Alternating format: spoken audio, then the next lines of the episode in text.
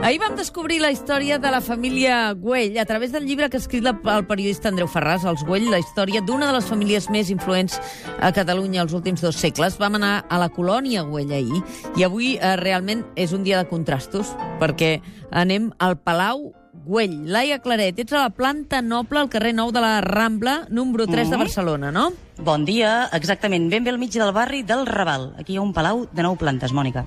Un palau de nou plantes. Sí. Que es pot visitar.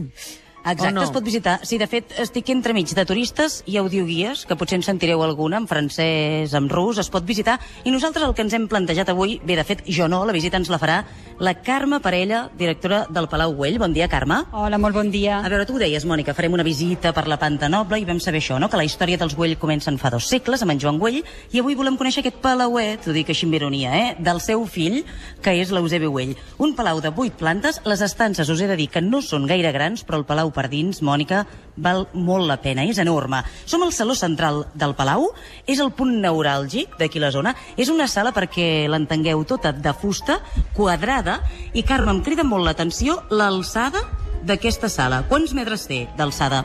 Sí, el Saló Central té una alçada aproximada d'uns 17 metres, des de la planta ara on estem fins a dalt, perquè connecta diverses estances de l'edifici, és a dir, des de la planta noble, des d'aquest Saló Central, passant per la tribuna de músics, a les habitacions, fins a la planta de golfes on hi ha ubicat l'orgue. O sigui, per descriure, jo ara mateix aixeco el cap amunt i veig tots els voltants, totes les parets del voltant, balconades, que són les habitacions, i que donen aquí, eh, eh, que recauen, o sigui, si treus el cap per la finestra, treus i veus el Saló Central. Què s'hi feia aquí al Saló Central? El Saló Central tenia una doble funcionalitat. No? Era bàsicament l'aparador social de la família Güell, una Sí. família benestant molt important de l'època, i la finalitat eh, principal era fer-hi celebracions, actes musicals, vetllades, actes culturals, però també tenia una altra vessant, que era la vessant religiosa.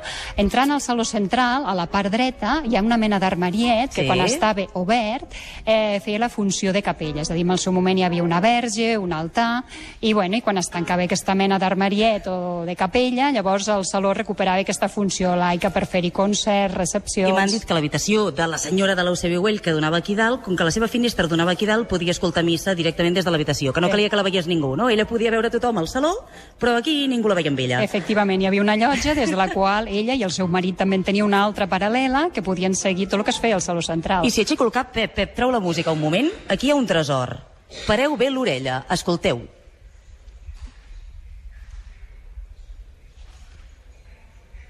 Ara mateix no podeu sentir res, però d'aquí uns minuts o d'aquí uns segons intentarem que escolteu un orgue... Escolteu, escolteu ara.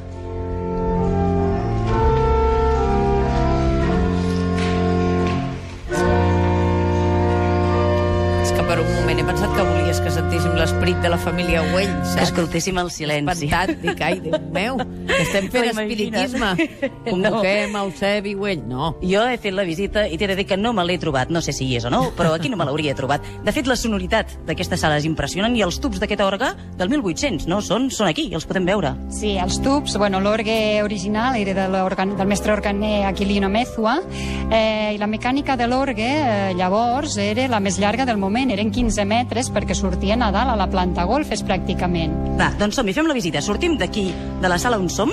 Ara mateix hi tinc tres portes aquí a la sala. Surto per la porta número 1 i arribo a la sala de convidats. La tinc davant. Em crida l'atenció el sostre, molt treballat. De fusta, aquest sostre. Què hi ha aquí mateix?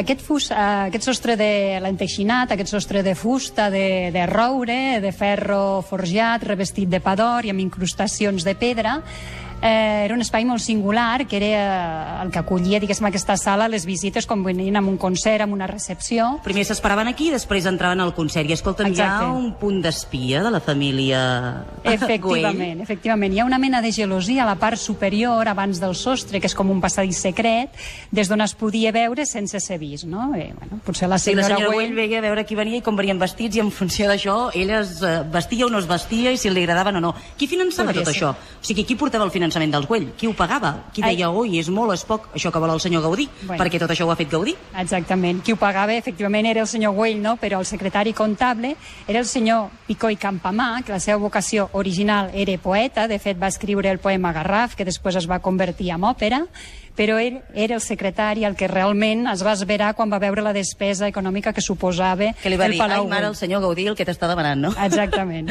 Tornem a estar, estem caminant pel Saló Central, hem tornat a entrar per la porta i sortim per una altra de les portes d'aquí del Saló Central i veig el menjador, una taula d'uns 3 metres i veig unes 10 cadires. Quanta gent hi vivia aquí? Bueno, doncs el Palau Güell estava previst com a residència del matrimoni Güell i els seus deu fills.